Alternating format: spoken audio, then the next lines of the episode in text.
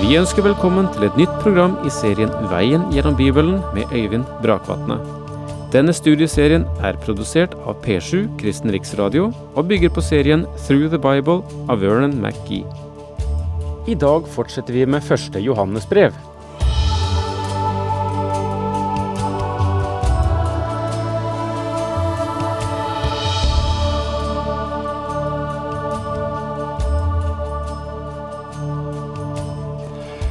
Det fortelles fra en av de norske daler. I den tid da, da utvandringen til Amerika var ung, så hadde en fra bygda vært i USA og kom tilbake igjen, og bygdas folk samlet seg for å høre nytt fra den store, nye verden der på andre siden av Atlanterhavet. Og han fortalte om den ene efter den andre fra bygda som hadde utvandret, og som hadde truffet og snakket med. Og en mor kommer forsiktig med et spørsmål og sier, Så du Jon der borte? Og denne som hadde vært på besøk i USA, han svarer, Å ja, Jon, ja, han snakket jeg med. Det er en kar som kommer seg frem i verden. Og så kommer det stille fra mor. Hvilken verden? Og det er et viktig spørsmål. Hvilken verden kommer du frem i? Hvilk, I hvilken verden gjør du din investering? Hvilken verden tjener du? Dette er det spørsmålet som Johannes har vært sterkt opptatt med i vers som vi behandlet sist i denne serien. Og der han konkluderte i vers 17 i 1. Johannes brev kapittel 2 med følgende Verden forgår med alt sitt begjær, men den som gjør Guds vilje, blir til evig tid. Og da er det aktuelt å stille spørsmålet hvilken verden investerer du i? Vi har talt litt om den verden Johannes beskriver her, og jeg har sagt litt om hva han legger i dette begrepet. Og nå går Johannes videre til å tale om det som ligger bak den verden som forgår. Hva som styrer den. Hva som bakenfor det vi ser, trekker i trådene. Og da går vi inn i vers 18. Vi berørte det så vidt sist, og fortsetter med det. Mine barn, nå er det den siste tid. Dere har hørt at Antikrist skal komme, og mange antikrister har alt stått fram. Derfor vet vi at den siste tid er kommet. Eh, vi sa lite grann om begrepet barn, som eh, Johannes bruker her. Vi sa også lite grann om den siste tid, og hva som ligger i dette med den siste tid. Og den tid Johannes her peker på, det er den epoke vi nå er inne i, når Gud kaller et folk frem for sitt navn. Og du kan benevne hvilken som helst tid under denne perioden som den siste tid. Nå er en velbehagelig tid. I dag, om du vil høre hans røst. Og det har hast med å finne frelse, min venn, for det er i dag vi har en velbehagelig tid. Vi vet ingenting om morgendagen, og kanskje i morgen vil det ikke være noe program som heter Veien gjennom Bibelen, for for min tid var ferdig. Dette er min tid. Vær våken for dette begrepet, og se det i det perspektiv Johannes gir oss det her. Den siste tid, det er den tid når det er mulig å finne nåde hos Gud. Det er den tid du eier på jorden. Det er den siste. Og så fortsetter han altså i dette verset. Dere har hørt at Antikrist skal komme, og mange antikrister har alt stått fram. Derfor vet vi at den siste tid er kommet. Mange antikrister hadde allerede trådt fram på den tid Johannes levde, men det kommer én antikrist. Hva mener vi med antikrist? Jeg tror at dette ordet er blitt misforstått, og som et resultat av det, så er den personen som kommer, blitt misforstått.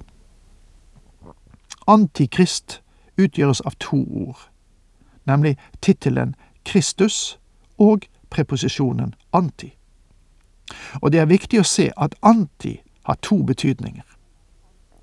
Det kan bety mot. Om jeg er anti noe, så betyr det at jeg er imot det. Anti kan også bety i stedet for, en imitasjon av, og derfor kan være en erstatning for. Og den kan enten være en god erstatning eller en forkledning for noe. Og derfor kommer spørsmålet skal Antikrist være en falsk Kristus, eller skal han være en Kristusfiende? Hvor legger Skriften vekten?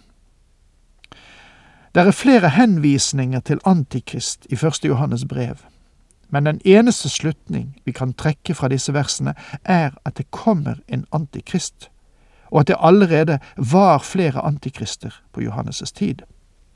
Hva var kjennemerket på en antikrist? Jo, det var en som fornektet Kristi guddom.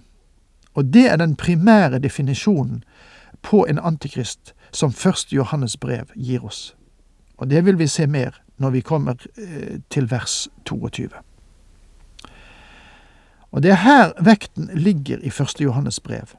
Men du minnes kanskje at Jesus sa, for mange skal komme i mitt navn og si, Jeg er Messias og de skal villede mange, som det står i Matteus 24, vers 5. Dette er antikrist. Og nå merker du at det Jesus understreker her, det er at han skal være i stedet for Kristus, som påstår seg å være Kristus. Personlig har jeg den troen. Nå må jeg si personlig. Nå må dere, selv, dere må selv tenke, og dere må selv ta stilling til. Men personlig har jeg den tro at det kommer til å være to personer ved tidsalderens slutt som vil fullbyrde begge disse typene som vi har nevnt. Både å være mot Kristus og påstå å være Kristus. Skriften presenterer det slik i Åpenbaringen 13. Der blir vi presentert for et villdyr som kommer opp av havet, og det er Satan som kaller dyret frem. Det er en politisk hersker og han er definert som å være mot Kristus. Der er et annet dyr som kommer fra land. Han fremstår som et lam, men han er egentlig en ulv i fåreklær. Han later som han er Kristus, som er Guds lam som tar imot verdens synd. Han kommer til å være en religiøs hersker. Den politiske hersker vil komme fra hedningeverdenen, fra, fra det tidligere romerske imperium. Den religiøse hersker vil komme fra Israel. De vil ikke ta imot ham som sin Messias, om han ikke kom slik. Så det betyr at det faktisk er to personer som til sammen vil fullbyrde det som ligger i ordet antikrist. De kommer ved tidenes slutt, og begge kan bli kalt antikrist. Den ene mot Kristus, den andre i stedet for Kristus. De er utgått fra oss, men de var ikke av oss. Hadde de vært det, da ville de blitt hos oss. Slik skulle det bli klart at ikke alle er av oss. Ja, dette er en svært høytidelig formulering som Johannes gir. Johannes sier at noen som har bekjent seg som kristne på den tid, hadde alle ytre tegn på at de var det.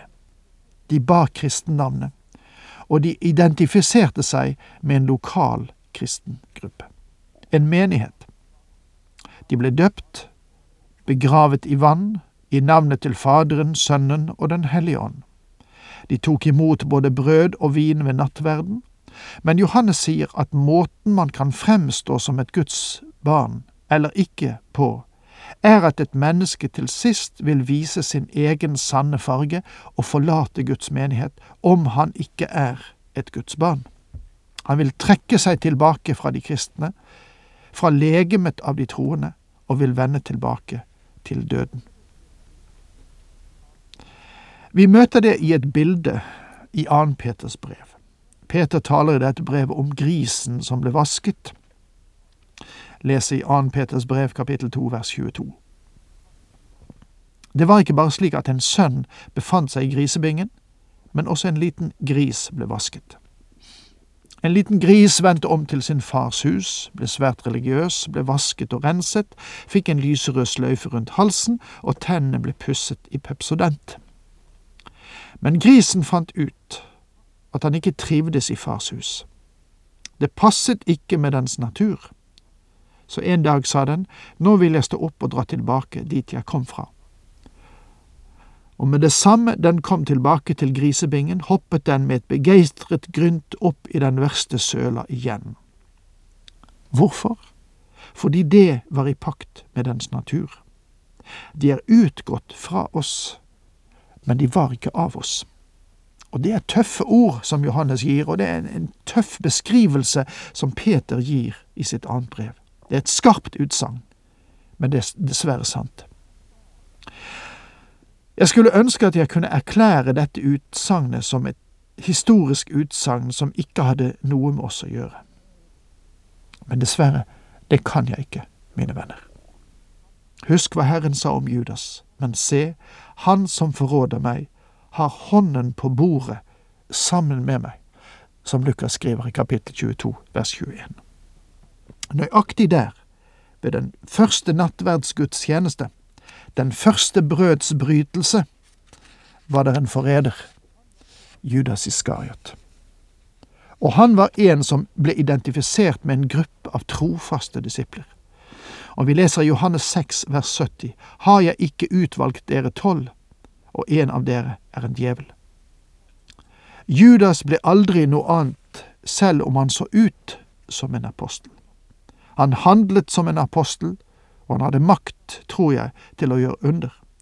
Han dro ut sammen med de andre, og de gjennomskuet ham ikke som en parasitt, men det var det han var. Og Johannes skriver rystende og alvorlige ord her, og i dag stiger han fram med alvorlig tale til oss om det samme. Og den Herre Jesus sa til en meget religiøs mann, du må bli født på ny. Han sa det til Nikodemus den natten han kom listende til ham. Det er et, eh, en sak som vi må legge oss på sinnet. Men der må vi slutte, mine venner. Takk for nå. Herren med deg.